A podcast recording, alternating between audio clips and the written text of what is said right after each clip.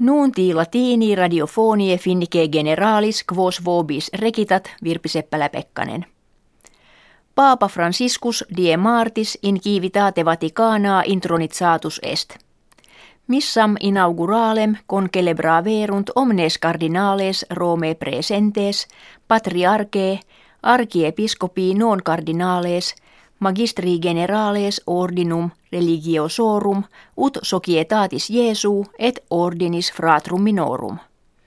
Aderant moderatores politici et centum triginta due legationes ex variis orbis terrarum partibus.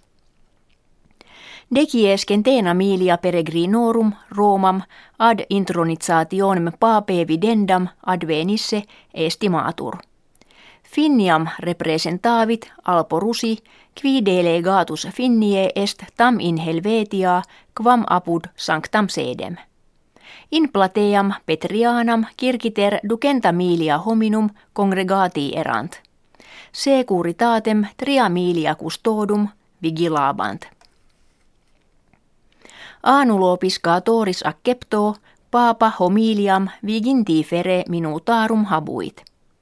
Gratias egit de presentia moderatoribus variarum terrarum operaris ecclesiae et representatoribus societatum.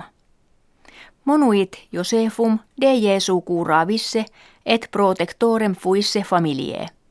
Ita homines deose ipsos protegere permitterent ut alios adjuvare possent. Omnes de omni creatura tu tanda responsales esse. In primis tu tandos esse infantes, senes et pauperes atque naturam.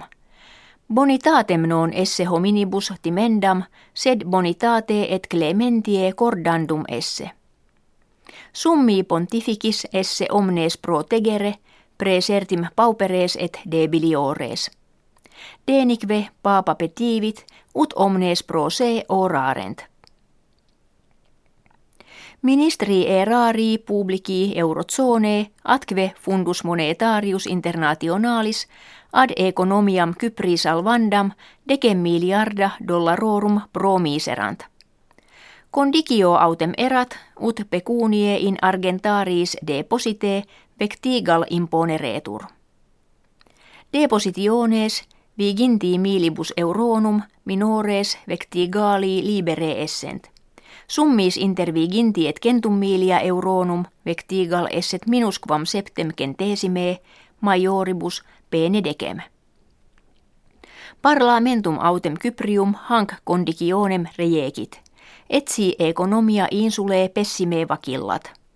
Kives apud parlamentum congregati, qui pro pecuni suis timent, sententiam parlamenti exultantes acceperunt.